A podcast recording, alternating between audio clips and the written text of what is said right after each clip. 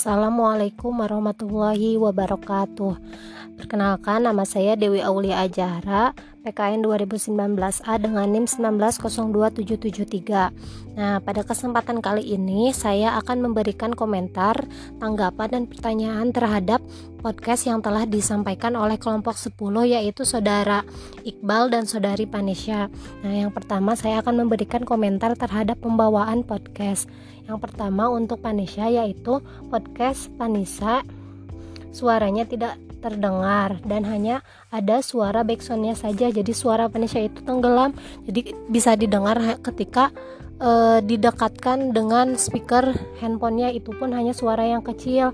Nah jadi ketika karena Panisha pemateri pertama jadi ketika kita akan ketika kita mendengarkan materi podcast yang disampaikan Iqbal tidak terlalu nyambung karena materi pertamanya yang disampaikan oleh Panisha tidak terdengar dan tidak kita bisa uh, pahami. Nah, untuk yang selanjutnya saya akan memberikan komentar dan pertanyaan terhadap materi yang disampaikan oleh Iqbal dan Panisha yaitu tentang kolaborasi di dalam dunia pendidikan.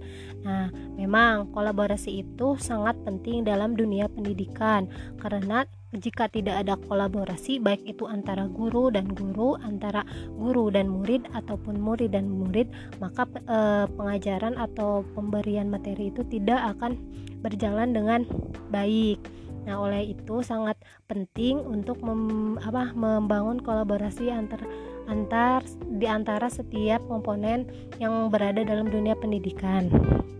Nah, selain itu, uh, karena uh, dalam pembelajaran IPS pasti banyak sekali beragam peserta didik yang ada di uh, dalam suatu kelas, apalagi su jika sudah uh, pada tingkat pendidikan menengah ke atas, pasti banyak murid yang beragam. Nah, oleh karena itu untuk mengatasinya, nah salah satu caranya itu dengan adanya kolaborasi antara guru dengan guru untuk bisa menampung dan memberikan pengajaran yang baik untuk uh, apa untuk siswa yang beragam tersebut. Baik, untuk yang selanjutnya saya akan memberikan pertanyaan untuk kelompok 6 yaitu kan dalam setiap pengajaran guru itu pasti mempunyai caranya masing-masing dan pasti mempunyai cara yang berbeda-beda ketika mengajarkan kepada murid-muridnya atau kepada peserta didiknya.